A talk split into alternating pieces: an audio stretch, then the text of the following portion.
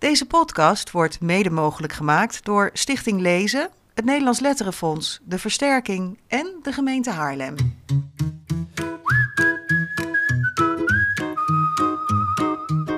Welkom bij de Grote Vriendelijke Podcast, aflevering 12. Leuk dat je luistert. Mijn naam is Bas Maliepaard. Ik bespreek elke zaterdag jeugdliteratuur in Dagblad Trouw. En tegenover mij zit Jaap Frieso, kinderboekrecensent van jaapleest.nl. We zitten weer op onze vertrouwde stek tussen de kasten van kinderboekwinkel Kiekeboek in Haarlem. En ook dit keer bespreken we drie kinderboeken. En Jaap, wie is onze gast? Ja, dat is Enne Koens. Welkom Enne. Dankjewel. Op eh, 17 eh, juni van dit jaar verschijnt eh, jouw nieuwe, nieuwste kinderboek, Die Zomer met Jente. En misschien kennen jullie eh, Enne van eh, boeken als Sammy en Opa, Hotel Bombier en Ik ben Vincent en ik ben niet bang. Die Zomer met Jente beschrijft de vriendschap tussen twee meisjes in een Phoenixwijk. Zo'n buurt die nog helemaal in aanb- aanbouw is, vol bouwmaterialen en eh, stijgers. Het boek wordt ook gepresenteerd in zo'n wijk, hè, in Leidse Rijn. Dat klopt, Ja. ja. In een, hele oude boerderij die Ja. er al stond voor. Ja, die is eh, blijven staan. Die is ja. blijven staan, ja, de Ja. vrijstaat. Ja, woon jij zelf in Leidse Rijn? Nee, ik woon er vlakbij. Oké. Ja, en we hebben wel getwijfeld of we daar zouden wonen of net in de oude wijk, waar, wat natuurlijk een stuk duurder is, maar eh, wel veel pittoresker. Ja, dus je woont tegen de Phoenixwijk Ja. aan en je hebt die Phoenixwijk zien ontstaan? Ja, hij staat nog, ontstaat nog steeds, ja. ja dus elke, bij- op mijn hardlooprondje zie ik hem steeds verder eh, voor me Ja, krijgen. ja. En er is onlangs een prachtige nieuwe bibliotheek geopend in Leidse Ja. Rijn. Dus het, wordt echt, het is echt een stad. Want het is eigenlijk wel eens, het is inmiddels eigenlijk gewoon een stad bijna, hè?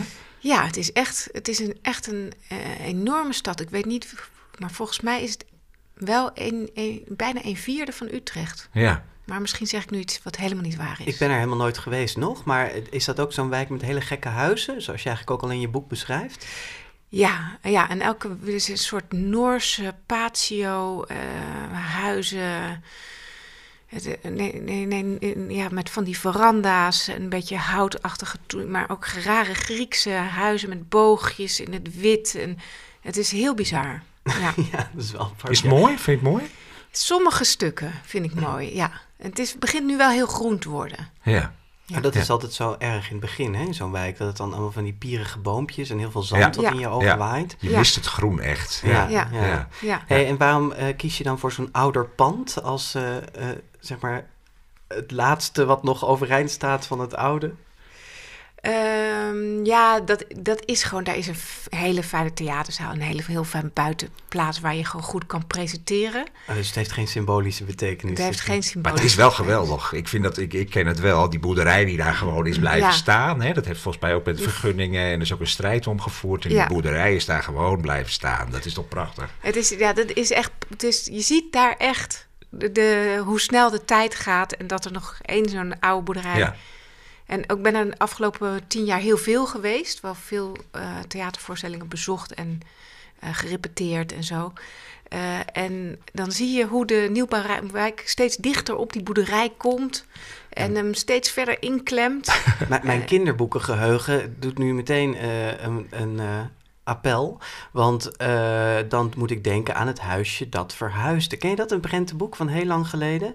Dat gaat over een, een huisje dat op een prachtige heuvel vol met appelbomen staat. En de stad die rukt op. En uiteindelijk staat hij helemaal tussen de torenflats. En wordt het huisje daaruit verhuisd weer naar een Oh, nieuwe. ja. Nou, dat is heel grappig. Nu jij dat vertelt, herinner ik het me. Ja, maar dat, Ja. dat eh, was ik vergeten, dat boek. We gaan Nou, hem op de site Dan ga je dus, zetten. dat weet ik zeker dat jij dat op de site gaat Ja. zetten. Zo ben jij. Hey, en we gaan straks uitgebreid verder praten over nou ja, waarom zo'n Phoenixwijk zo'n geschikt decor is eh, voor dit boek. En waarom je daarvoor hebt eh, gekozen. En vooral over de vriendinnen die daar wonen. Vooral over die bijzondere twee vriendinnen die daar eh, een grote rol in spelen. Wij eh, gaan eerst de boeken bespreken. Bas, wat heb jij meegenomen? Ja, een, een boek van het nieuwste boek van een schrijfster van wie je eigenlijk elk boek wel zou kunnen Ja. aanraden aan een twaalfjarige. En dat is best bijzonder. Dat je gewoon kan zeggen, lees al de boeken van ja, maar dit is Susan denk ik Nielsen. het vijfde of zesde boek van Susan Nielsen. eh, Zoiets. vijfde, denk Ja, ik. dus Ja, zoiets, ja. in vertaling. Susan. Nielsen is een Canadese en ze schrijft eh, boeken over kinderen, jongeren die het echt niet heel erg makkelijk hebben. Maar toch heb je, hou je daar een soort feel-good gevoel aan over aan het eind. En dat vind ik heel knap. Dat ze niet de, de ellende uh, bagatelliseert of... Um... Nee, maar het is wel vette ellende in die boeken. Ja, hè? Wel... ouders die aan de, aan de alcohol of de drugs zijn en, en gescheiden zijn. En het is niet misselijk, zeg Criminaliteit, maar. in woordnerd bijvoorbeeld. Ja, en in dit boek is het helemaal uh, bal. Hier gaat het uh, over armoede. Felix, de hoofdpersoon, die... Uh, die wordt opgepakt samen met zijn moeder door de politie. En daar begint het, uh, het verhaal ook mee met een verhoor. Um, en ja, zij vragen van wat, waar woon je? En eigenlijk moet hij bekennen dat hij al vier maanden met zijn moeder in een busje woont. En dat heeft te maken met ja, gewoon bad luck, maar ook met het karakter van zijn moeder, die nogal onaangepast is. En ja, die het niet lukt om baantjes vast te houden. Nee. Um, ja, en het, het groot deel van het boek gaat over het verbergen van die armoede. Hij moet zich op school, in de jongenswc's moet hij zich ochtends wassen, want ze hebben geen kraan. En op, op een zeker moment moet hij naar de wc. En er, ja, ze hebben daar geen wc in het busje. En dan gaat hij tegen een boom, moet hij een grote boodschap. En dat ziet iemand. En dan heeft hij echt ook het gevoel van dit, dan voelt hij zich voor het eerst ja, vernederend en voelt zich voor het eerst ook echt dakloos. Ja. Nou, dat is echt heel schrijnend beschreven. En die moeder, die, die is eigenlijk een soort heel positief. Hè? Die blijft maar gewoon roepen dat het maar tijdelijk is. En dat, uh, die probeert het steeds een beetje te bagatelliseren.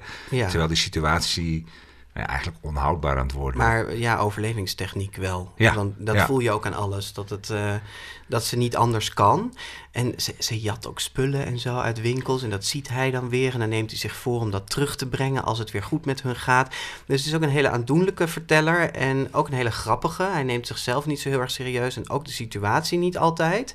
Maar dat, dat dringt wel steeds meer door dat het echt wel heel Ja, en wat, veel, wat vaker in dit soort boeken is, en dat heeft hij ook, is dat die kinderen een ontzettend groot verantwoordelijkheidsgevoel hebben. Ja. Dus ook heel erg voelen van dit is eigenlijk, ik, ik ben verantwoordelijk voor deze situatie en ik moet het eigenlijk ook oplossen. Ja. En in het boek gebeurt het wel op een grappige manier, doordat hij eigenlijk een tv-quiz gaat proberen te winnen. ja, daar kreeg ik heel erg uh, Slumdog Millionaires uh, vibes bij. Ja, uh, het is een beetje cliché, maar... Ken je die film? Ja. ja. Dat gaat over een jongetje uit de Sloppenwijken die meedoet aan nou ja, wat we hier nog kennen als nu trouwens Bank Giro, ja. miljonair, zoiets. en die wint dat uiteindelijk natuurlijk, spoiler alert. Um, maar goed, hier in Felix gaat dus ook meedoen aan zo'n quiz in de hoop dat hij zijn moeder en hemzelf kan redden uit de ellende. En er staat één ding in over die ouders wat, we, wat jou wel moet aanspreken, Enne. Um, Astrid en Daniel, zijn vader is niet echt in beeld, maar uh, die noemt hij wel. Astrid en Daniel waren geweldige mensen, alleen waren ze geen geweldige ouders. En ik moest daarbij ook een beetje aan jouw boeken denken, omdat de ouders in jouw boeken die schieten soms ook een beetje tekort. Ja, eigenlijk hebben ze altijd wel hele goede, zijn altijd hele goede mensen. Ja. Dus bedoel het heel goed, ze zijn hele lieve mensen, maar het pakt eh, dan minder goed uit. Ja. Onhandig ook in de dingen, zo worstelen met het opvoeden. En, ja. en dat zie je hier in dit boek ook heel, erg. ja. En jij wilde nog de... Ja, er staat zo'n mooie term in. Ik kan hem niet goed onthouden, maar je hebt hem opgeschreven. Hè? Maar wij hebben hem allebei in onze recensie uh, genoemd. Want hij gaat dan koffie drinken bij een, bij een, nou ja, een koffietentje. En dat heet... Ja, Bean There, Donut That. daar, daar, werkt, daar, werkt, uh, daar werkt de moeder dan... Oh, daar werkt de moeder ja, even. Eventjes, ja, eventjes. Precies. Want dan ja, wordt het te snel weer... Maar goed, dat soort uh, lol staat er ook heel veel in. Dus je moet ook echt hardop lachen hierom. En uh, ja het is, ik vind het echt een geweldige schrijfster. En uh, Woordnerd is mijn andere favoriet. Um, Henry K. Larson, hoe heet dat boek? Ja, er zijn een aantal. Maar het is, het is echt Nou ja, wat ik zei, je allemaal... kunt ze allemaal gelezen. Heb, je, heb je ooit van haar iets gelezen? Nee, maar het klinkt wel als iets wat ik ook heel leuk dit, vind. Dit ga je echt zeker leuk vinden. Ja. Het past ook wel in, in jouw stijl, denk ik. Uh, het is uitgegeven bij Lemniskaat en vertaald door Lydia Meder en Barbara Suurbier. Ja, en voor kinderen vanaf een jaar of twaalf dus. Nou ja, dan mag jij... Ja, ik heb een, uh, een, een, boekje meegenomen. Het heet Björn en de Wijde Wereld. Dat verschijnt op uh, eh, 4 juni. Is geschreven door de, een Fransoze Delphine Perret. En uh, vertaald door Edward van der Vendel. En Björn is een, uh, een beer. En er is eerst een bundeltje verschenen. Dat heet Björn uh, Zes Berenverhalen. Daar was ik al helemaal, en jij ook, hè, echt verrukt van. Het is super eenvoudig. Ook de tekeningen zijn heel eenvoudig. Het is allemaal in één steunkleur gemaakt. En, ja, pentekeningetjes. Het zijn pentekeningetjes met, met lijntjes. En ja, het zijn dieren, dierenverhalen waarbij je denkt, oh, dan gaan we weer met van die dierenverhalen. Maar het is zo lief, vrolijk. Eh, in, in, dit boek gaat Björn dus nou ja, de wijde wereld in. Hè? Dus hij gaat... Uh, de mensenwereld. De mensenwereld in. Hij heeft ook een, een, een, een, vriendin, een menselijk vriendinnetje met wie hij een dagje naar de stad uh, gaat. Wat niet allemaal helemaal geweldig uitpakt. Hij gaat met de andere dieren in het bos een dagje met de, met de bus weg. Ze vinden in het bos vinden ze op een gegeven moment een mobiele telefoon. Waarbij ze dan ineens ook contact hebben met iemand. de huisarts. Ja, en de pizza, pizza bezorgen. Dan gaan ze ineens pizza's bestellen. Ja, het is heel grappig, lichtvoetig en, uh, en humoristisch zonder dat het echt grappig is. Het, het, heeft gewoon heel erg dat observerende... Het is meer glimlachen wat het je Het is heel glimlachen, ja. Ik, ik, het, het, het is lief zonder dat het heel zoet is. Nou, wat ik er heel mooi aan vind, is dat er echt een hele grote tevredenheid uitspreekt. Weet je, Björn is heel tevreden met alles, met zijn leven en de dingen die hij tegenkomt. Maar zonder dat hij weer met zo'n pot honing eh, tegen een boom zit geleund of zo. Hè? Het is, uh... hij, hij, smeert broodjes honing zonder broodjes voor zichzelf. dat voor welke leeftijd is het dan?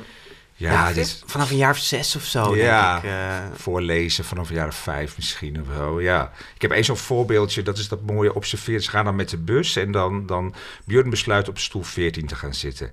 Jammer dat hij niks bij zich heeft wat hij in het bagagenetje kan doen.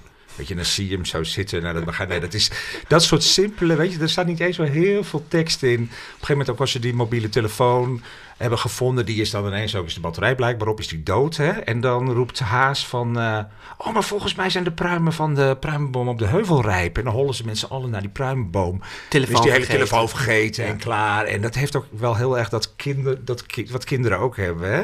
Ja. Zo van, het is ineens weer klaar en over en we gaan naar het volgende. Nou ja, dat zit er heel veel in. Het is nog niet zo heel erg bekend of ontdekt. Het is uitgegeven bij uitgeverij Davidsfonds uh, Infodoc. En ja, ik vind het wel een boekje wat echt uh, wat meer podium Zeker. verdient. Ja, deel 1 en deel 2 dan. Deel 1 en deel 2, ja. Ze zijn ook heel dun, dus uh, je kunt ze beter alle twee meteen kopen. En dan hebben we nog een gloednieuwe dichtbundel. Ja. Ja. Wat je moet doen als je over een nijlpaard struikelt en dan als ondertitel Gedichten waar je wat aan hebt van Edward van de Vendel. En dat vond ik een fantastisch idee. Gedichten waar je, wat, aan, hebt. ja. Wat moet je eigenlijk met poëzie? Maar dit zijn hele nuttige gedichten. Want ja, je zult maar over een nelpaard struikelen. Dan vertelt hij wat je er uh, mee moet. Hij vertelde hierover ook al in onze eindejaarspodcast. Maar hij heeft ook op de Nacht van de Poëzie een gedicht voorgelezen. Laten we daar meteen even naar gaan luisteren. Je hoort dus ook wat applaus van mensen die daar gezellig ja, bij dat, dat heet uh, Wat je moet doen als je verliefd bent op een jongen. Ja. Jongens houden van blokfluitmuziek. Dat is algemeen bekend. Vooral als die gespeeld wordt door meisjes zonder talent. Kijk, voor zo'n 140 euro koop je een mooie moek. En daarbij dan een speekselrager. En een simpel oefenboek. Dat boek heet Piepen met plezier. En dat is wat jij doet. Dus je tweet en tweet en twinkelt. En het hoeft dus niet zo goed. Nou, nu komt het zware werk. Je graaft een hinderlaag. Daar wacht je op jouw jongen, dus je grijpt hem in zijn kraag. Je houdt je blokfluit naast zijn oor. Je zegt, dag schat, let op. En dan blaas je keihard krijzend de oren van zijn kop. Nou, en zo krijg je verkering. Hij is meteen op jou. Werkt gegarandeerd, niks te danken, ciao. Oh, oh, oh, oh. En als die jongen wegrent, wat ik niet verwacht, dan ben jij dus een sukkeltje, want dan floot je veel te zacht. Ja. Ja, hier staat dus vol mee, hè? Ja, het is een beetje een soort nonsensgedicht, zou je bijna kunnen zeggen. Het is het echt heel, heel veel grappige gedichten staan, er, uh, staan erin. Um, ik vind dat hij een hele fijne losheid heeft in, in, in zijn schrijven. Dus het is echt, nou ja, je hoort hoe goed hij het ook kan voordragen. Hè?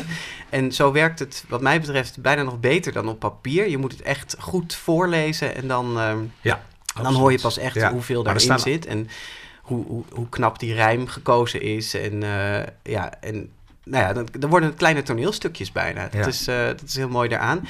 Uh, vooral grappige gedichten dus, maar er staan ook al een paar gedichten in die wat serieuzer zijn. Uh, over een opa die dement begint te worden. Mooi, hè? Ja, ja. mooi, hè? ja met een gummetje. Je, opa heeft een gummetje opa heeft een gummend hondje in zijn hoofd zelfs. Hmm. Zo stel je je dat voor, dat is hoe je het gelooft. Dat hondje veegt met zijn pootjes en zijn vacht en zijn staart over alle gedachten die opa bewaart. En zo gumt ze die uit, een beetje hier, een beetje daar. Dat hondje is nogal een speels exemplaar. Maar wat opa na het gummen nooit gaat vergeten, is dat wat hij altijd moet blijven weten. Jouw knuffels waarmee jullie de knuffelcup winnen. Dit is pas een klein stukje van het gedicht. Maar er staan ook prachtige tekeningen in van Martijn van der Linden. En die heeft, eh, eh, ze hebben samen ooit eerder een boek gemaakt, Ja, hè, Stem op de Okapi. Ehm, het was een non-fictieboek over de Okapi, je nieuwe lievelingsdier. En ehm, hij, daarin ja, putte Martijn van der Linden ook uit allerlei verschillende stijlen. Echt eh, potloodtekeningen, stempeltechniek zie ik hier. Ehm, er zit echt dat hele realistische plakkaatverf. ook de- daardoor vind ik ook dat de sfeer van iedere ieder gedicht ieder weer gedicht anders weer is. heel anders is. Ja. Soms heel eh, bijna ouderwetsachtig eh Ja, is. En wij vonden dit eh, ook zo bijzonder geïllustreerd en we hadden daar zoveel vragen bij dat we ook meteen Martijn van der Linden gebeld hebben of hij hier in juli te gast wil zijn. Eh, dan gaan we het onder andere over dit boek hebben. Wat Eh, leuk. Ja, Ik doe nu net of ik heel verbaasd ben. ja, maar ja. is goed. Ja, ja. Stond in het Hij draaiboek komt. zeker. Ja. nee, leuk. Ja, nee, hij heeft het heel mooi gedaan. Ja, ja, ja. ja. Jij hebt er net ook even doorheen kunnen bladeren. En wat, wat was je eerste, eerste indruk?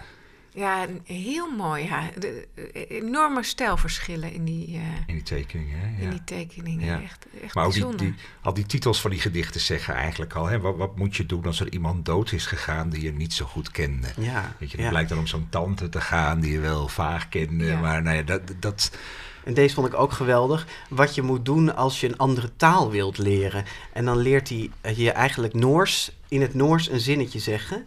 Eh, eigenlijk dat je super graag met een komkommer wilt praten. Dat is dan uiteindelijk wat je leert. Ja, en ook wel heel, dat maakt ook wel dat het heel speels en ook eh, relatief is. Want hij, hij eindigt met een gedicht wat, wat je moet doen als je over, je over dit boek een boekbespreking moet houden.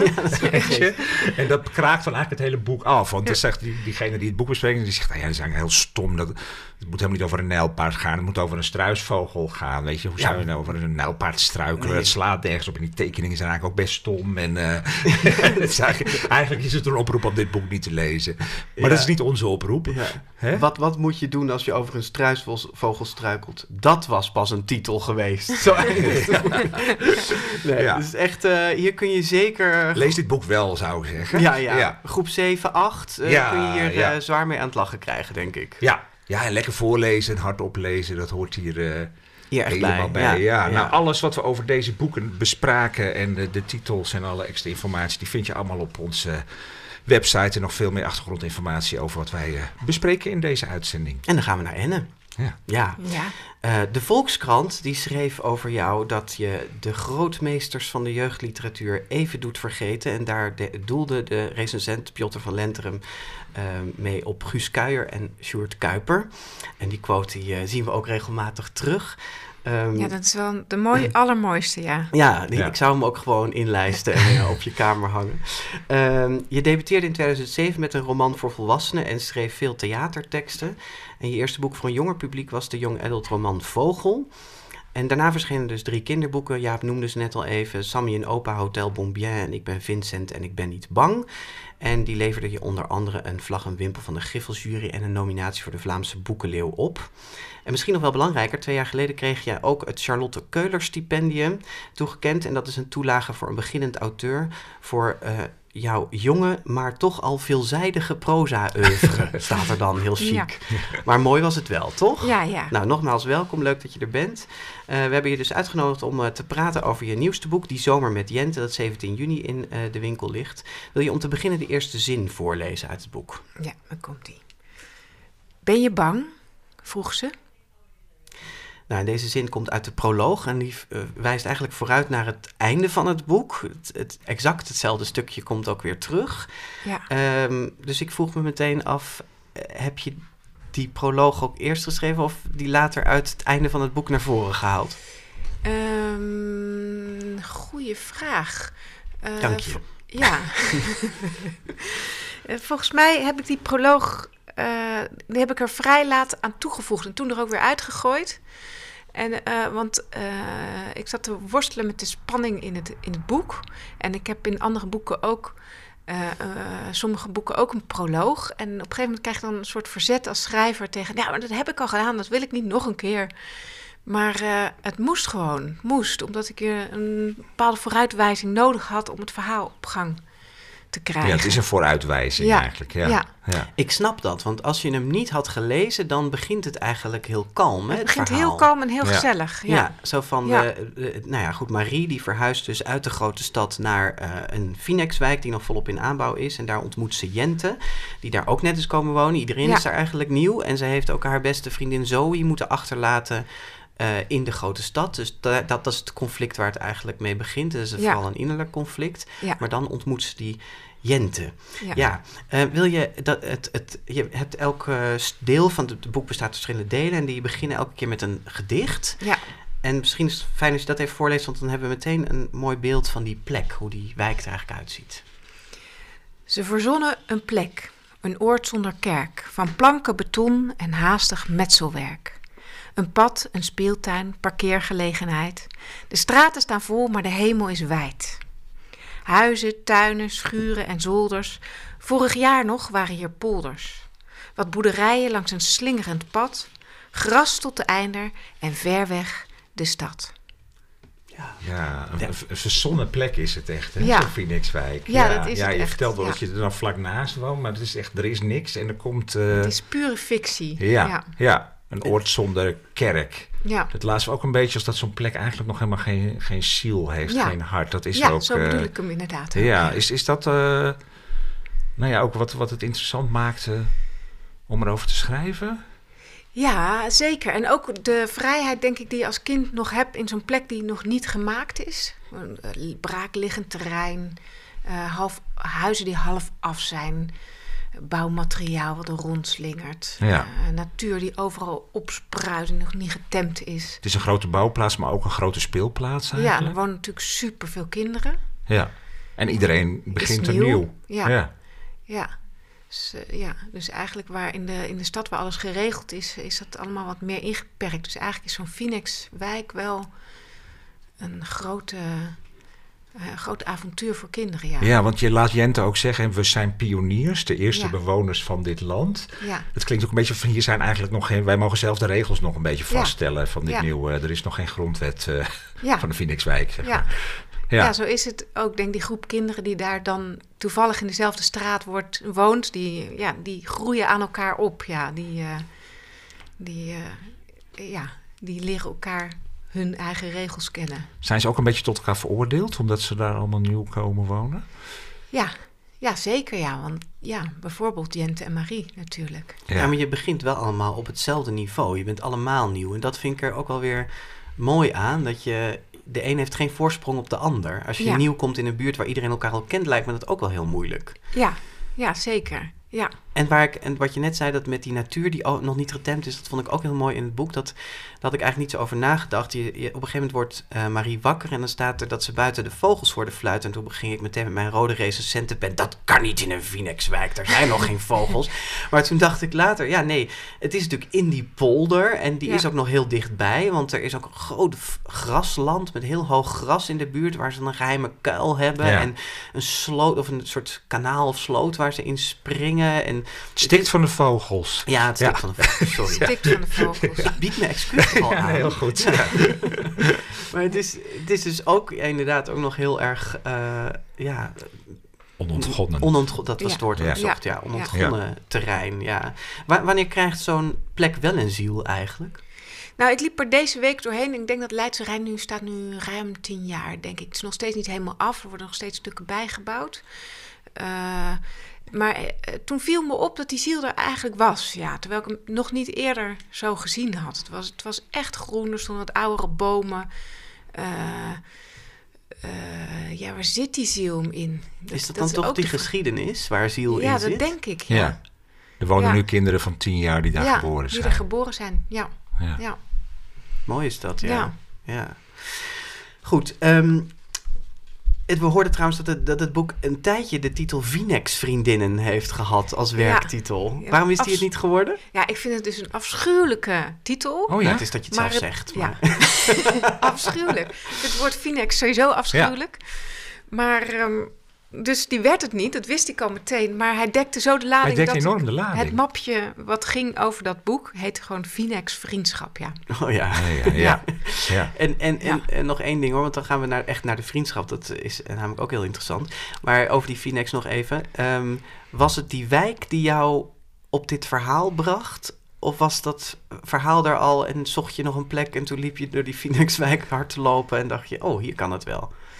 Ik denk, ik denk dat de vriendschap er net iets eerder was, ja. Toch wel. Ja, En toen keek Ja. je uit het raam naar al die gekke huizen. ja. Hij paste daar heel goed. Ja, en, en eh, vrienden van ons zijn daar ook gaan wonen. En die, dat heb ik natuurlijk ja, gewoon gezien hoe dat leven daar ontstond. En hoe hun kinderen geboren werden. En hoe, eh, en hoe ze vriendschap... Nou, en hoe dat hele leven zich in Leidse Rijn ontwikkelde. Ja, want die research die was, die lag eigenlijk aan je voeten. Voor die Ja, precies. Al ja. Dat had ik al gedaan. Ja, Ja. ook Ja. dat. Ja. Ja. Ja. Hey, ehm, eh, Jent ontmoet ze dus, eh, Marie, eh, in, in die wijk. Die woont een paar huizen verderop. Ja. Ja, Ehm, Marie is tien jaar, hè? dat is wel goed om. Marie is 10 jaar Ja. en Jente is eh, twee Twaalf. jaar ouder, Ja. maar ja, dus 12, bijna 13. Ehm, maar die Jente, daar moeten we het eens even over hebben. Want dat is een brutaal en soms onuitstaanbaar meisje. Eh, ze is wild. Misschien is dat wel een woord wat bij haar past. Eh, de ouders krijgen ook slecht grip op haar. School krijgt slecht grip op haar. Onvoorspelbaar. Ja, ze is heel onvoorspelbaar ook. Ja. Ehm, niet bepaald sympathiek, zou je kunnen zeggen. Had je dat vanaf het begin? Ja, Oh ja? ja was dat niet de bedoeling? Ehm, nee, ik heb, nee, dat was, eh, nee, er zit wel vanaf het begin iets gevaarlijks in Ja. het personage. Dat is het meer, denk ik. Ja. Eh, voor mijn gevoel. En, eh, maar dan is nog niet precies duidelijk wat er dan, wat er gevaarlijk gaat zijn. En, maar wel dat ze, dat ze meer, meer risico neemt dan eh, Marie, duidelijk. Je voelt meteen dat, dat is het wel. Je voelt echt wel duidelijk meteen dat contrast. Maar ik we- heb ook wel de fascinatie van Marie willen beschrijven voor... hé, hey, dit kent ze niet. En wat, dit, ze wordt er ook blij van. En dan, elke dag is er een nieuw avontuur. En, eh, en ze geniet er enorm van. Het is En nooit denkt- saai, zegt ze. Het is nooit saai. Nee. Nee. En ze denkt bijna... hm, is dit niet een betere vriendin dan Zoe, die mijn allerbeste vriendin... waar ze als, als Ja, maar dat was redelijk baby al... veilig eigenlijk. Dat was een hele veilige vriendschap, ja. ja. En hier zitten scherpe kantjes aan. Maar kun, Ja. je, kun je eens vertellen, waarom heb je Jente zo vormgegeven als ze is? Ehm, waarom ik dat gedaan heb? Omdat ik eigenlijk... Was het iets waar ik als kind tegenaan liep. Vriendinnen die meer... eh, een grotere scala hadden aan eh, dingen... Aan, aan, aan, aan gedrag wat ze konden inzetten. Meer, eh, meer risico namen in vervelend zijn naar hun ouders bijvoorbeeld. Meer risico namen in schelden, in, in stelen, in... en dat ik, dat ik eigenlijk nou, dan daar een beetje achteraan hobbelde en super boeiend vond. Interessant, maar ook mijn grenzen niet zo goed kon bewaren, omdat ik dus een kleiner bereik had qua gedrag. Eh, en daar in een heel aantal vriendschappen liep ik daar tegenaan. Van hoe moet je dan eigenlijk, als jouw bereik niet zo groot is als dat van die ander, eh, in, in grenzen opzoeken, in eh, je uitspreken, in hoe moet je dan wel zeggen: nee, dit wil ik niet. Mhm. Betekent dat ook dat Marie, dat jij daar vooral in zit? Ja. ja, dat denk ik wel, ja. Ja. En, en wat moest je dan doen om Jente op te roepen? Was dat vooral naar, aan die vriendinnen uit jouw jeugd terugdenken? Of, eh, ja. ja. ja, het is een mix van heel veel verschillende vriendinnen, ja. Ja, oké. ja. Ik heb het ook aan al mijn vriendinnen opgedragen. Ja, dat is echt mooi. Al die namen staan er, eh, staan er voorin. Wat, en ze- dan staat erbij, geloof ik, bedankt voor het spelen. Ja, Ja. ja. Ja, ja, beetje droog is dat, hè? Ja, bedankt, en bedankt voor al die moeilijk, moeilijke Voor de momenten. opvoeding. Ja, ja. ja, want, maar keek je, wilde je, Ik zocht ze wel uit. Juist Ja, die en- net meer iets, maar wilde je ook zo zijn eigenlijk? Ja, ik genoot wel van die meer ruimte, meer vrijheid, meer... eh, eh, ik heb nog steeds vriendinnen die zo makkelijker uitspreken dan ik. Misschien is dat ook wel iets wat je automatisch doet. Als je zelf een beetje introvert bent, dat je wat extroverte types bijzoekt om Ja. het te compenseren of zo. Maar als je altijd maar zo wil zijn als die ander, dan ben je zelf nooit goed genoeg. Ja, dat, dat- hè, daar zijn hele boeken over Ja. geschreven. Hè? Over introverte Ik mensen denk, ik gooi maar even in. Ja, die altijd eh, eh, iets anders zouden moeten zijn dan ze, Maar we zitten nu met jou aan tafel, dus geef eens antwoord. Ja, nee, ik herken dat gevoel wel. Dat je denkt, oh, was ik ook maar zo? Wat durfde ik dat ook maar? Uh, en aan de andere kant ben ik ook heel blij met uh, hoe stabiel... Ja. dat is echt heel erg. Hoe stabiel ik ben aan, en uh, hoe ik daarvan kan genieten. Waarom is dat erg? Ja, dat is toch super saai? Ja. Dat is eigenlijk. Je wil, nee, maar dat, dat is wel een mooie opmerking. Want dat, die angst om saai te zijn is natuurlijk ook een hele. Hè, je wilt altijd groot zijn, meeslepend leven ja. misschien. Maar uiteindelijk is het leven misschien best saai. Ja, en ik denk dat ik wel mijn, mijn minder saaie kant in het schrijven ontwikkeld heb. Dus altijd risico zoeken, avontuur zoeken, nieuwe dingen uitproberen. Ja. Ja.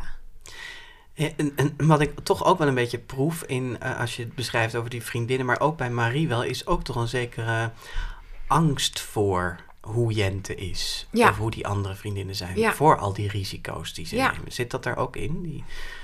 Ja, zeker. Wel, en eh, dat is ook misschien uiteindelijk angst voor dat je zelf niet op tijd durft te zeggen: nee, dit durf ik echt niet. Of dit wil ik echt niet. Of meegesleept worden Ja. in... eh, ja, Ja. ja. ja, En dat gebeurt ook wel een paar keer in het boek. ja. Ja, gaan we straks over hebben. Het is ja. leuk om even een stukje voor te lezen, Graag. denk ik. Hè? Ja, want dit, dit, het is heel mooi dat ze hier- in dit stukje wordt een beetje dat dilemma beschreven tussen die oude vriendin Zoe, hè, waar het Ja. wel veilig mee was, en nou ja, die nieuwe Jente die risicovol is. Zou je dat willen Ja. voorlezen?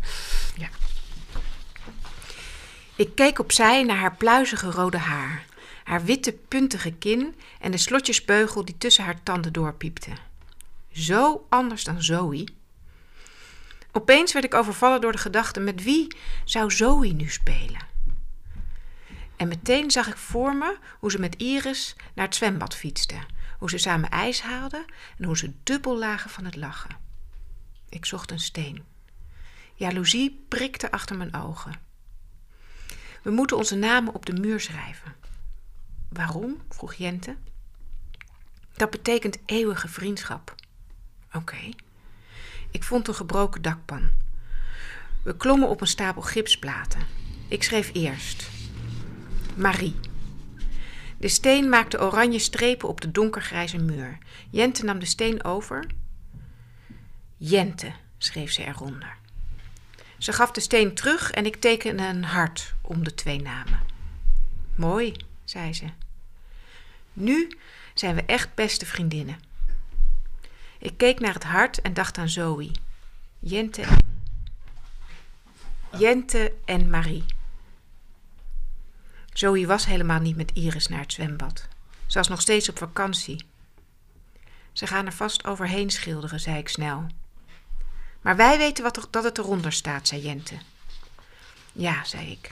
Maar ik gooide de steen weg alsof ik mijn hand eraan gebrand had. Ik wil naar huis. Nu al? Ja, zei ik nog eens. Ik moest nodig aan de brief voor Zoe beginnen. Die dag was ik voor één keer op tijd thuis. Ja, je werd bruut onderbroken door eh, de deur van de bovenburen die eh dicht viel. Ja. Ehm, het was ook wel een heel spannend stukje. ja, ja, het even, past er eh, wel bij. Ja. maar eh, ja, mooi dit conflict. Hè? Zo van nog die herinnering aan die oude vriendin. Ook een beetje het gevoel van, pleeg ik nu verraad of niet? Is zij Ja. verraad Ja. aan het plegen? Ja, Wat, eh, ja. ja. Dit, dit geeft wel een beetje de kern van het boek weer Ja. ook, toch? ja, dit die was ook een van de eerste stukjes die ik schreef. Oh ja? Ja, Oh, wat grappig. Ja. Ja. ja. Heb je goed uitgezocht, ja. Heb je goed uitgezocht, Ehm, Jaap. Eh, ik, ik vraag me altijd af, dat, eigenlijk de aanleiding van jouw boek, dat ik daar dus helemaal niet altijd, maar de aanleiding van jouw boek begon ik daar heel erg over na te denken. Van waarom hebben mensen eigenlijk er zo'n behoefte aan om eh, hun vriendschappen zo ehm, te categoriseren in dit is mijn beste vriendin, dit is mijn allerbeste vriendin, dit is mijn hartsvriendin en dit is een kennis. Jaap die heeft het soms zelfs grappend over een edelkennis. Dat is dan iets tussen een kennis en een vriend. Dat is. Bas. Bas Oh is een ik. edelkennis. Ik Ja. ben een edelkennis. Dank je. Ehm, maar waar komt die behoefte vandaan, denk je? Om die exclusiviteit Of is dat, heel te erg voor kind, is dat heel erg voor kinderen? Nou, ik zie wel dat kinderen, dat mijn kinderen dat ook heel erg doen. Want die is nu heel belangrijk voor me. En, eh, en die is nu minder belangrijk, want die heeft dat en dat gezegd. Dus die wordt eh, nu even iets omlaag geplaatst in de top 10. Eh, en dan komt die ook weer omhoog. Dus het is een altijd eh, bewegend, blijf, blijvend bewegend, eh, bleef- bewegende top 10.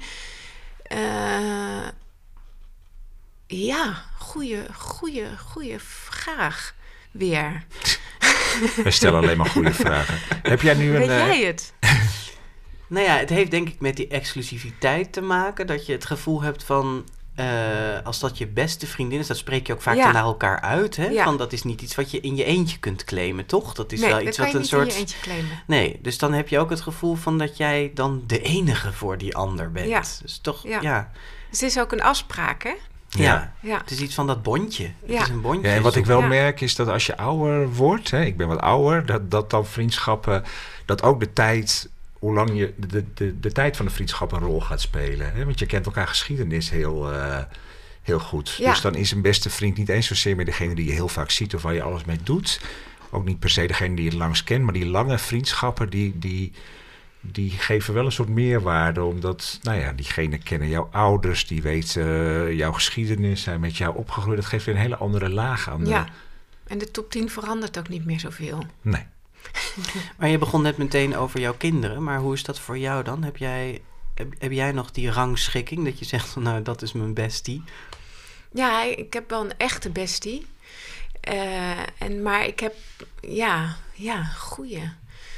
Eh, nee, ik heb meer, wat ook in het boek naar voren komt, dat je met de een een bepaald soort iets. Gisteren bijvoorbeeld eh, speelde, eergisteren mijn, speelde mijn, een neefje uit Canada van mij in, in Paradiso. En toen dacht ik, eh, en je ging pas om één uur, begon hij met spelen. En het was ook nog een beetje een obscuur, nou ja, ik weet niet of ik nu iemand beledig, festival. Eh, en toen dacht ik, oh my god, wie krijg ik daarmee naartoe? En ik kon eigenlijk maar één iemand bedenken. Die vindt dat leuk. Die vindt dat leuk. En die kwam toevallig thee drinken om acht uur. Ik zei, ga je vanavond om één uur mee naar een obscuur festival... want mijn neefje uit Canada speelt daar. En die heb ik al 15 jaar niet gezien. Dus we moeten eerst met hem thee drinken in een café in Amerika. En dan gaat hij eh, de boel rocken. En toen zei ze, nee, ik ben heel moe. Ja, ik ga mee. Oh ja. Maar dat is wat de vader van Marie op een gegeven Ja. moment tegen haar zegt. Hè, als oplossing voor Ja. dat dilemma van je hebt een beste vriendin voor allerlei verschillende dingen. Dus een beste vriendin voor je avonturen beleven. En een beste vriendin om Ja, taarten mee te bakken. En dan ben- precies. vond ik eigenlijk een goeie. Ja, en dat heb ik wel. Ja. Ja. Is die, is die, eh, die, die, die een beetje gevaarlijke vriendinnen waar je... eh, Die zijn uit je kindertijd, zijn die gebleven? Ja. Al die namen die je in het boek... eh, ja, met, met zijn het wel, met, eh, met is ook wel, zijn ook wel vriendschappen uitgeraakt, echt uitgeraakt. Uitgemaakt ook? Uitgemaakt, officieel ook echt. Ja? Hoe Ja. dan? Met- Per ja, brief. Per... eh, eh, Ik gesprek. op een gegeven moment één vriendin eh, die in de, ja, die vond, ik wel, vond haar gewoon heel onbetrouwbaar. Steeds als ze verkering had, dan, eh, dan was ze gewoon helemaal niet meer. Was ze niet meer bereikbaar, was ze kon helemaal niks meer. En op een gegeven moment trok ik dat niet meer. Toen zat ik nog op de middelbare school. En toen heb ik haar opgebeld. En toen zei, heb ik gezegd, het is uit. Het hoeft niet Ja. meer. Ja, en het is later, het is nu weer aan. oh ja? Ja. En wie heeft maar het aangemaakt? Wel, dat heeft zij gedaan. Ze ging op een gegeven moment in Portugal wonen. Toen schreef ze uit Portugal een brief. Wil je mijn vriendin weer zijn? Of zullen we het in ieder geval weer eens proberen? Wat mooi. En toen heb ik daar heel lang over nagedacht. En toen, eh, toen, toen zijn we uiteindelijk heb ik gebeld, ja, over, ook teruggeschreven, geloof ik. Ja. Onder voorwaarden ook? Heb je gezegd, dan moet je wel bereikbaar zijn als je weer een nieuwe vriend nee, hebt? helemaal niet. Nee. Want eh, ze schreef al in die brief dat ze het wel begreep. Oh ja. Dus toen Oh, ja, dacht dat ik- was, ja, was de angel eruit Inzicht, ja, eigenlijk. gewoon. Ja. Ja. Maar Ik over vind die- sowieso, als je dingen goed maakt, moet je nooit, moet je gewoon opnieuw je- het avontuur aangaan. Ben je niet bang dat al die, die, die gevaarlijke vriendinnen nu denken als ze dit boek lezen van... oh, maar ik ben die Jente. Eh, nou ja, maar ik heb wel vriendschappen waarin dat allemaal eh, wel duidelijk, wel besproken Oh, is. ja. Dus dat gaat, vinden ze geen verrassing, nee. Nou ja, maar Jente, wij- wij hadden in elk geval wel het gevoel van dat er ook iets meer met haar aan de hand is dan de gemiddelde gevaarlijkere vriendin, om dat Ja. woord nog maar weer Ja. te gebruiken. Ja, dat laat je wel een beetje in het midden in het boek. Ja, daar kun je eigenlijk als lezer verschillende kanten mee op, maar er zitten wel wat onheilspellende momenten in. Ehm, om er twee Ja. even te noemen. Er, ja, er zit één moment, en ik zal niet te veel weggeven, maar iets met een spoorbrug. Ja, iets met een spoorbrug. Iets met een spoorbrug. En ook een moment, en dat vond ik ook heel eng, dan, zitten, ze- dan klimmen zij op het dak van een eh onaf huis. Ja, En daar liggen bouwmaterialen. En dan eh, Jente die loopt naar de rand van dat dak en die gaat er met de benen over de rand zitten bungelen. En Marie die stikt van angst eigenlijk daarvoor. En dan gaat Jente ook nog allerlei planken van dat dak afgooien. ja. Zonder min of meer, nou ja. En dan roept Marie nog van, oh, maar misschien loopt daar iemand. Maar ze doet het gewoon. Ja. Ehm, ik dacht bij dat soort, waarom zoek je die grens zo op van dat het echt bijna, nou ja, echt eng wordt, zeg maar? Ehm, ehm, ja. Nou, laat ik het anders vragen. eh, sorry, nee, Ja? geef eerst je antwoord. Nee. Nee, het vraagt me anders. Ik wou, wou vragen, nou ja, ehm, ik moest bij dit boek ook een beetje denken aan Zwarte Zwaan van Gideon Oh. Samson. Ja. En daarin is ook zo'n vriendschap waarin eh, een, me- een meisje heel erg dominant is en heel Ja. bazig is. En de ander eigenlijk ook zich laat meeslepen in van alles en nog wat. En dat gaat uiteindelijk heel erg fout. Ja. En ik had heel, heel, eh, heel lang het gevoel in dit boek van, oh, dit gaat Ja. ergens helemaal fout. ja. Maar dat gebeurt uiteindelijk niet. Dus misschien moet ik Ja, die vraag daar- stellen. Wa- waarom dat, ga je daarom zit die over? Ja, die situatie zit er wel in om aan te geven waar, waar het heen gaat. Of om die spanning op te bouwen. En om te zien dat, het, dat ze grenzelozer is dan, dan Marie. En dat Marie daar iets mee moet. Eh, en waarom ik, ik die grens niet overga. Ik wil, ik wil graag verhalen vertellen waarin kinderen zich wel kunnen blijven herkennen. Dus als een echt een moord gaat plegen, in dat, wat ik wel een verschrikkelijk mooi boek vind, Zwarte Zwanen van Gi- Gideon Samson, eh, dan denk ik, ja, maar dit, je kan geen kind zich meer in herkennen, want dit gebeurt niet. En dan gaat het voor, voor mijn gevoel veel meer om het verhaal, want dan, dan is het een heel mooi verhaal, maar dan is het niet meer iets wat kin, waar kinderen iets mee kunnen of... En ik Staat het hou te ver gewoon, af van hun- Ja, hun- ik hou van ja. iets realistischer verhalen. Maar is Ja. het ook te, te erg? Hè? Zit dat er ook in? Van ik wil eigenlijk kinderen hier niet mee confronteren? Maar ik denk dat het nooit, dat het maar in, in, dat er in elk land misschien één keer dit gebeurt. ja, maar goed, literatuur kan natuurlijk gaan over dingen die nooit gebeuren of zelden ja gebeuren. natuurlijk, kan heel goed. En het Ja. is een schitterend verhaal. Alleen ik wil het niet schrijven. Nee.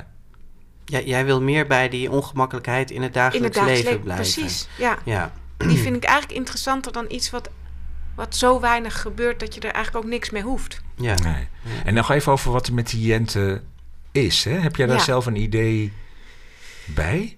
Mm, Nou, ik heb met opzet daar niet een eh, plaatje op geplakt, omdat ik eh, van mening ben eigenlijk dat er te veel plaatjes geplakt worden. Ja. En, eh, en het veel interessanter is, wat, wat moet je ermee met, de met, met, met het leven en met hoe je gebakken bent, dan wat het uiteindelijk is. Ja, ze krijgt geen etiketje. Nee, ik krijg geen etiketje. Nee. Vond ik ook mooi En dat op een gegeven moment vraagt Marie dat ook aan, aan Jente. Van, dan zijn ze net weer na de zomer op school.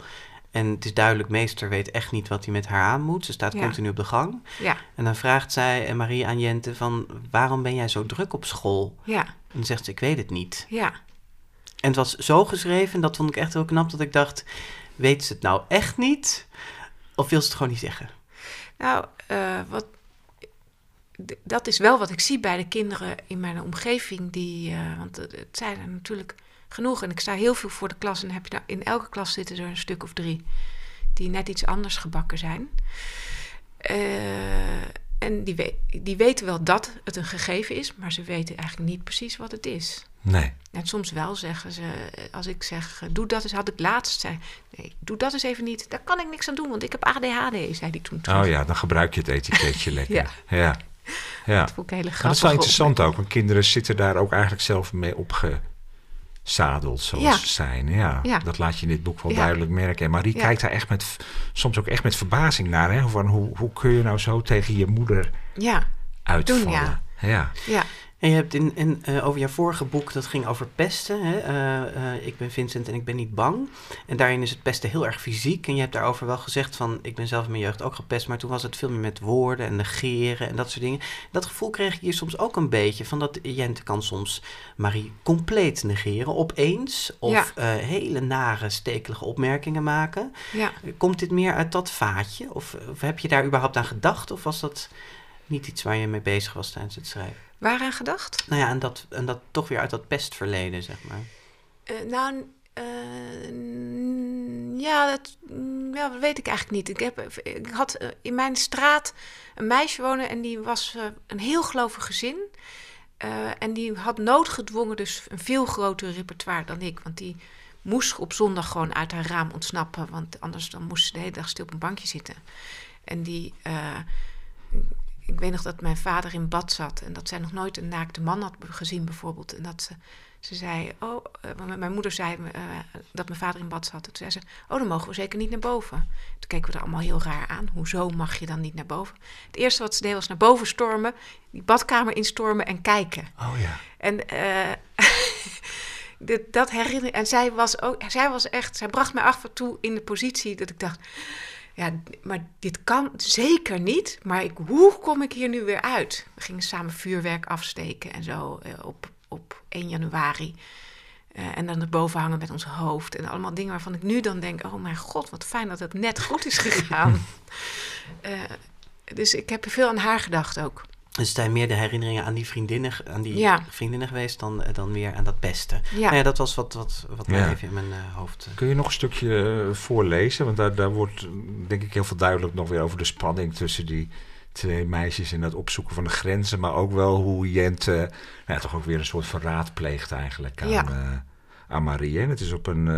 nou, ze hebben samen die geheime, geheime kuil die, voor hun, die echt van hun twee is. Ja. ja. in het grasveld. In het grasveld. Weet verder niemand, hè, behalve Jente en Marie. Ja. Ja. en ze hebben ook afgesproken dat het hun geheim is. Ja. Ja. En dan? Haastig schoot ik mijn slippers aan en liep naar buiten, om het huis heen. Ik dook het gras in vanaf de andere kant, niet over het geheime pad, dat niet geheim meer was. Ik moest een nieuw pad maken, me stap voor stap een weg banen. Net als op die eerste dag. Dat was niet makkelijk. Mijn hele lichaam was plakkerig van het zweet. Grashalmen kriebelden onder mijn shirt. Al snel zaten mijn voeten onder de brandnetelblaren, rood en dik en heet. Ik negeerde het brandende gevoel in mijn voeten. Ik kwam steeds dichter bij. Nu kon ik hun stemmen al horen. Jente klonk overal bovenuit. Kijk eens, hoorde ik haar krijzen. Ik bleef stilstaan. Het was dus waar. Ze had de kuil verraden. Eén dag zonder mij was genoeg om al onze afspraken te vergeten. Ik bleef, ik bleef maar gras opzij duwen en brandnetels, brandnetels platstampen. Voorzichtig naderde ik de kuil. Ik voelde woede in mijn vuisten. In mijn hoofd zat de hele tijd dat zinnetje dat ik vroeger op de kleuterschool wel eens zei als ik boos was op iemand. Jij mag niet op mijn feestje komen. Jij niet. niet. Iedereen wel, maar jij niet. Toen ik bij de kuil aankwam, waren ze er niet meer. De plastic doos lag omgekeerd in de kuil, leeg. Overal lagen snoeppapiertjes. De fratella was op of weg. Die hadden we van mijn zakgeld gekocht toen we voor papa naar de winkel gingen. De Donald Duckjes lagen verspreid in het gras. Ze waren kapot. Ik keek ernaar. Hoe kon ze zoiets doen? En opeens sprongen er tranen in mijn ogen. Ze, ze rolden over mijn wangen. Haastig veegde ik ze weg met de rug van mijn hand. Ik wou niet huilen. Het enige wat ik wou, was dat het niet waar was. Dat ik het verkeerd begrepen had. Dat Jente nog gewoon de vriendin was die ik dacht dat ze was. Maar ze had de kuil verraden. Ik voelde dat er iets veranderd was. Ja, en die Fruitella en die Donald Duckjes. Het is allemaal zo... Ik vind het zo eh, knap eh, dat je die echte kinderen, echt die kinderdingen, zo'n kuil. En dat je dat... Ik kan me dat van vroeger ook nog Ja, zo goed herinneren. In de buurt hadden we ergens in de bosjes een hut. En daar mochten Ja. de andere kinderen van de andere straat niet komen. En En dan door die brandnetels en dat je zo bezweet bent. Het is allemaal zo uit... eh, uit het leven gegrepen. Ja, maar echt uit het hoofd van een kind. Weet je, het is, hier is niet een volwassene die over. Jij, jij weet die, Ja. dat klinkt wat truttig, maar je weet die kinderstem heel goed. eh, Ja, hoe, hoe, Hoe, kan hoe komt dat? Hoe komt dat? Kan dat? hoe kan dat? Ja, Ja. hoe kan dat? Maar is dat een ambacht, zeg maar? Doe jij daar heel erg je best voor? Ja, ik weet het niet. Ik had wel, ik weet het, toen ik jong was, had ik een heel goed geheugen en wilde ik alles opslaan. En ik, heb, ik denk dat het ook iets te maken heeft met, ehm, met de toneelschool. Dus dat je, ik heb toneelschool gedaan ooit, dus dat je heel goed kan inleven. Maar ja, uiteindelijk doen alle schrijvers dat. Het is wel wat ik het liefste wil. Dus als je eh, eh, als, jij, als, als we bijvoorbeeld over het, verschil, over het verschil hebben tussen Gideon Samson en, en, en, mijn schrijven, dan wil ik het liefst inderdaad voor kinderen schrijven en eh, niet over kinderen. Niet dat hij dat niet doet, maar wel dat hij meer voor de verhalen gaat volgens mij. En ik meer Echt die stem voor wil de laten echte kinderstem, ja. Ja. Dus dat is wat ik het interessantst vind. Ja. Ja. Ja. Wij, eh, hebben Piotr van Lenteren, dat is de, de, de kinderboekenrecensent van de Volkskrant. eh, Ja. Die dat zinnetje schreef over van ze doet af en toe de grootmeesters. eh heeft gegeten, hebben we ook al even gevraagd om dit boek te lezen. Oh, wat En leuk. ja, en hij laat ons weten, ik zou haar graag complimenteren met haar talent voor ongemakkelijke gesprekken en tekortschietende ouders. En dat ze zo lekker ranzig kan schrijven over modder en blaren. Hij vindt het een prima boek, zegt hij. Hij blijft alleen wel aan andere prima boeken denken. Alsof ze het niet, net niet die laatste stap zet om helemaal enne kunst te worden. Oh, leuk. Dit is een uitdaging. Ja. maar kan je daar wat mee? Eh, ja, dat, Ja? Dat, ja, zeker. Ja, dat herken ik. Je bent nog niet En- helemaal enne kunst. Jawel, dat wel. Maar er zit nog ontwikkeling in, dat voel ik. Ja. En ik eh, heb heel groot dat verlangen om het nog meer naar mezelf toe te trekken. Ja. Ja. Maar dat, dat komt nog. En soms ben ik daar heel ongeduldig in. En soms denk ik, ja, maar ja, eh, Annie begon ook pas toen ze 40 was. Doe nou toch rustig aan, het komt wel. En wees blij dat je die ontwikkelingsruimte nog voelt. Ja, maar blijkbaar heb je Ja. die tijd ook niet. Je, je kan dat nu, dat zit er nu nog niet in. Nee, ik, maar Of het dat zit er wel het in, maar wel. dat krijg je Het niet gaat echt uit. komen. Nee. Ja. Het gaat echt komen, ja. Ja. Want ik, heb- het heeft iets te maken met ook die, dat je nu nog te veel de druk voelt. Of ik, laat ik zeggen, ik te veel de druk voelt om überhaupt een boek te leveren. En dat ik voel dat hoe ouder ik word, dat ik het meer naar mezelf ga toetrekken. En denk, nee, er komt pas een boek alleen als ik een goed idee heb, daar de tijd voor heb genomen. En, eh, en, het, en het heel, nou ja, het gaat over meer tijd nemen en meer durven. Want we, we spraken ook En- even je uitgeefster, die zei van... en heeft altijd vrij snel gewoon een eerste versie eh, klaar. En die ligt er dan en die is eigenlijk nog, nog niet goed. Dat weet ze ook en dat Ja. weten wij ook. En dan is het eigenlijk nodig dat wij daar even goed naar kijken... en haar Ja. nog weer op een spoor zetten. Is dat een beetje wat je bedoelt? eh? Ja, nou, ik, ja, dat bedoel ik ook. Want ik eh, heb mijn redacteur daarin echt nodig. Want die eerste versie is altijd is die niet goed. Of Nog lang niet goed genoeg. En dat is eigenlijk meer een onderzoek naar wat gaat het plot eigenlijk zijn. En, en daarna moet ik eigenlijk weer helemaal opnieuw beginnen. Eh, en, en wat, het is meer een onderzoek naar wat, zijn, wat is het plot, wat zijn de ingrediënten, waar gaat het überhaupt over. En, maar ik, waar, waar- wat ik eigenlijk bedoel is dat er volgens mij in de aanloopfase meer tijd, meer rek. Ah. Wat ik ook wel bij mijn collega's zie, bijvoorbeeld Koos Meinders, die nu opeens voor mijn gevoel de afgelopen vijf jaar zo'n gigantisch nieuw bereik heeft gekregen en diepte in zijn verhalen. En dat je denkt, wow, waar haalt hij het vandaan? En Anna Woltz ook bijvoorbeeld. Dat, daar, daar heb je gewoon tijd voor nodig om dat te ontwikkelen. En ik ben er bijna, maar ik ben er nog niet. Maar ik proef het vertrouwen dat dat... eh, Ja, ik Komt. heb het gevoel dat het komt. Ja. Maar weet je wel, heb je wel een, misschien een vaag idee waar dat dan zit? Eh, waar je moet zoeken bij jezelf naar, ja. naar die hele echte eigenheid? Want het is, ik vond het wel scherp van, van Piotr van Lenteren dat hij... Hè, er wordt in veel recensies over jouw boek inderdaad geschreven van... eh, ze kan in het rijtje van Anna Woltz. Ze Ja. kan, ze lijkt, eh, het, het lijkt wel eh Sjoerd Kuiper. Het lijkt ja, wel dit. Het wordt altijd vergeleken. En dat is Ja. heel complimenteus en je, het, moet, het moet je maar gezegd worden. Ik bedoel, je, je levert dus wel iets af wat echt, eh, nou ja, kan tippen aan die kwaliteit. Maar die eigenheid, waar, waar zit die dan precies? Heb je, heb je dat vage idee waar het, waar het zit? Ja, wel, ja, het zit in twee dingen. Is, is mentaal nog eigener maken. Mm, hoewel, dat eigenlijk vind ik ook, gaat dat goed. Daar ben ik goed mee. Maar ik denk meer tijd nemen voor de plot ontwikkelen. Daar rustiger in worden nog. En ouder worden is rustiger worden. Hè? Dus ik heb Mhm. goede hoop. Maar betekent dat dan ook dat we straks echt een ander boek gaan? Merken wij dat ook als lezer? Ja, anders maar hetzelfde. Ik denk dat het echt zit in wat je, die omslag die, die je bij Koos Meinert en Anna Woltz hebt gemaakt. Dus met meer vertrouwen, meer tijd, meer. En dan wat je al goed kan naar een hoger Verfijnen. niveau Ja, trekken. ja. ja. ja. Oh, Nou ja, mooi. Ik moet zeggen, ik vond het meer dan een prima boek. ja, prima, prima, boek vind ik is... ook zo. ja, ja. Ehm, eh, al geloof ik dat hij het inderdaad positief bedoelt. Prima boek. Eh, ik, ik vond echt, ik, ja, ik vond het ook weer beter dan Vincent. Ja, Eh, Dus zie je, het die gaat zin, gestaag, maar dat is Ja. ook mijn karakter. Heel gestaag naar Nou, grote... ik vond Hotel Bombier vind ik ook nog steeds wel een van Ja, dat is die, ook eh, een van want mijn daar zit wel een soort weer ongeremde Vrolijkheid en. Ja. gekheid in, weet je, waar ik ook Ja. erg van hou. Maar Ja. hier heb je wel die, die spanning en wat wij zeiden, die kinderstemmen, vooral die, die, nou ja, die ongemakkelijke spanning. Ja. Hè, dat, dat, dat zit er wel echt heel goed in. Dus ja, het is, eh, het is een, een prima, prima boek. zullen we Het is- zeggen. prima, prima.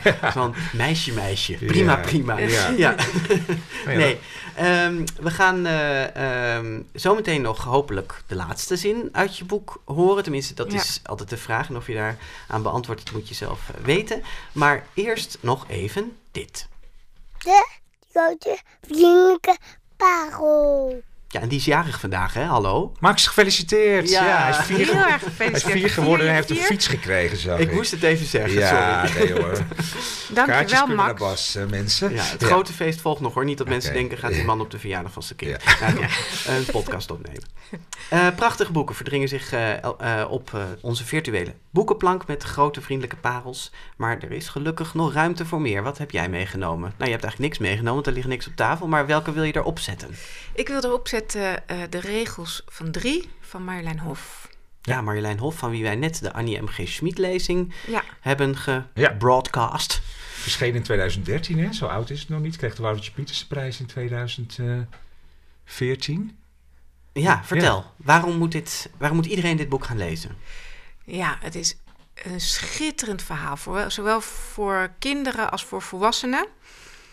En het is eigenlijk precies eh, dat waar ik ook op zoek naar ben in, Ja, in mijn schrijven. Interessant. ja. en, en welke stap ik nog net iets dieper kan nemen. Want ik zit ook echt te denken, Marjolein Hof is pas op latere leeftijd. Die zijn Ja. begonnen zo oud als jij nu bent. Misschien nog wel oud. Is pas begonnen met Precies. kinderboeken schrijven. En dat lees je er ook, dat voel je ook erin. ja, in, een soort gerijpdheid die je blijkbaar... eh, ja. ja. toch nodig hebt. Ja. Ja, ja eh, want het is, eh, wat ik zo ontzettend mooi vind, het is een realistisch verhaal met, in, de, in de zin van, nou dat zou, het zou zo echt kunnen gebeuren. Eh, met hele mooie karakters waar je echt waar je sympathie voor hebt en ook voor de verschillende karakters in het boek, dus die niet allemaal hetzelfde willen. Nee, het gaat over twee kinderen die met hun moeder mee moeten naar de opa. Die geloof ik in IJsland is het? Of Ja. in Noorwegen, IJsland woont. En die opa die nou ja, is aan het eind van zijn, zijn leven. Het gaat niet helemaal meer goed. Hij laat steekjes vallen. Ja. Eh, eh, hij zorgt niet meer goed. Het is, is smerig in huis. En eh, ik geloof dat ze gewaarschuwd zijn door een buurvrouw.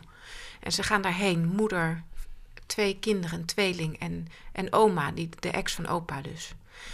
En eigenlijk hebben moeder en oma in hun hoofd dat opa mee terug naar huis moet en in een bejaardentehuis. Ja. Zijn laatste jaren. Klassiek thema had je wel in de kinderliteratuur. Hè? Er zijn er veel boeken over van die opa's die naar een, een bejaardentehuis moeten, maar niet niet willen. En kinderen die dan gaan helpen. Ik meen me een boek van uh, Lineke Dijksel nog te herinneren daarover. Maar zij, zij werkt het wel weer op een hele ja, ik had het nog niet uit. zo Nee, eh, mooi gelezen. Zo, eh, want je volgt die kinderen eigenlijk heel, eh, op, heel erg op de voet. Die eerst die opa een beetje eng vinden, afschrikwekkend stinken. Een klapperend gebit. en steeds meer sympathie krijgen. Ook omdat die eh, moeder en oma ja, een beetje strak erin Ja, zitten. ja. En dat vinden die kinderen uiteindelijk ook. Eh, en op een gegeven moment eh, komen ze op de hand van opa en neemt opa ze ook in vertrouwen dat hij, hij wil weggaan, hij wil de bergen ingaan, wat staat voor, met de temperatuur die daar is, wat staat voor, nou, dat is het einde verhaal. Ja, precies. Ja. En hier zit ook weer, volgens mij, als ik me goed herinner, dat survival eh Ja, zit daar ook in. Dat klopt, hij heeft ook een survival handboek. Ja, en ik las bij het jou pas, in Vincent dus heel erg zit. Ja. eh, ja. ik las het pas nadat ik Vincent had gelezen, maar toen dacht ik, oh, dat heeft zij dus vlak voor mij al lang bedacht. Een soort metafoor voor dat nou ja, om, overleven, je staande houden in, Ja. het, Ja. in leven. in de Ja. gewone wereld. Ja. Ja. Ja. Nou, we zetten hem op eh, de boekenplank. Ehm, en nu de vraag. Oh ja. Ben jij je- bereid om de laatste zin voor te lezen? Geeft die te veel weg of niet? Nee, die, die ga ik wel voorlezen. Ja, die geeft niks, niks weg eigenlijk. Jammer. Maar het- ik was wel heel tevreden met dit einde. En ik zag hem zelf niet aankomen. Ik was aan het schrijven in, in Frankrijk. In een eh, klooster. Eh, bij Jan Ritsma. Ik weet niet of jullie die kennen. Maar die heeft een gigantisch klooster. Oké, eh, Ik weet dat er veel in kloosters wordt geschreven. Ja. ja. Waar alleen maar kunstenaars zitten te schrijven voor Maar wat, dit was een toen... tientje per nacht. Oké, en dit was toen die, die, die laatste zin ook die je Die opschreef? rolde eruit en ik had, Ja? hem, ik had hem niet zien aankomen. Het, is, het was een onverwachts einde. Ehm, ik zal hem voorlezen. Heel gezellig, zei ik tevreden. En betekent dat eind goed al goed? Of is Ja, het een onheilspellend ja, soort? Heel ja, gezellig. Nou ja, we gaan het allemaal lezen. Die zomer met Jente wordt uitgegeven door Luiting Seithof en ligt dus vanaf 17 juni 2019 in de boekhandel. En Koens, heel veel dank dat je hier was. Eh, helemaal naar Haarlem gekomen. Het was heel gezellig, Ja. zullen we maar heel Heel tevreden gezellig. zeggen. Ja. Heel gezellig. Dit was de twaalfde aflevering van de Grote Vriendelijke Podcast. Abonneer je vooral op de GVP in je podcast-app en laat daar een beoordeling achter. En ook leuk als je ons wat laat horen via onze social media, Twitter, Facebook, Instagram of Goodreads. ja, en jij gaat nu naar het midzomer... Nee, het mooie Oh ja, kinderboekenfestival. mooie kinderboekenfestival. Daar ga ik naartoe. Ja, Dat Ja. is een ontzettend leuk festival. Dat i- is nu al voor het tweede of derde jaar. Op drie plekken dit jaar voor het eerst. Eh, en het is vandaag nemen we dus op zes- 26 mei 2019. Dus daar kunnen mensen niet meer heen. Maar het is ook nog op 16 juni in Den Bosch en op 23 juni in Hogeveen. Dus gaat Ja. allen, daar Ja. treed jij ook op hè, in die ik treed plaatsen. daarop samen met een, eh, een, een collega. Die eh, geven we een eh, empowerment workshop aan de hand van Vincent. Ik ben Vincent en ik ben niet bang. Voor kinderen dus. Oh jee, ja. ik moest even niezen, maar da- daarna kan ik mooi de afkondiging eh, doen. Oh, Jullie kunnen nog steeds stemmen op de Dutch eh, Podcast Awards. Doe dat vooral op tot 4 juni. En op 6 juni horen we of we hem eh, gewonnen hebben op podcastawards.nl. En op zondag 26 mei 2019 namen we deze podcast op in kinderboekenwinkel Kiekeboek aan de Gierstraat in Haarlem. Dank weer aan onze technicus Mark Brouwer. Eind juni zijn we er weer met een eh, feestelijk extra lange, dat is wel midzomeravondgesprek. Ja, daar was je mee naartoe. Met eh, Bart Moejaert, de winnaar van de, van de Alma, de Astrid Lindgren Memorial eh, Awards. Tot dan. Tot dan.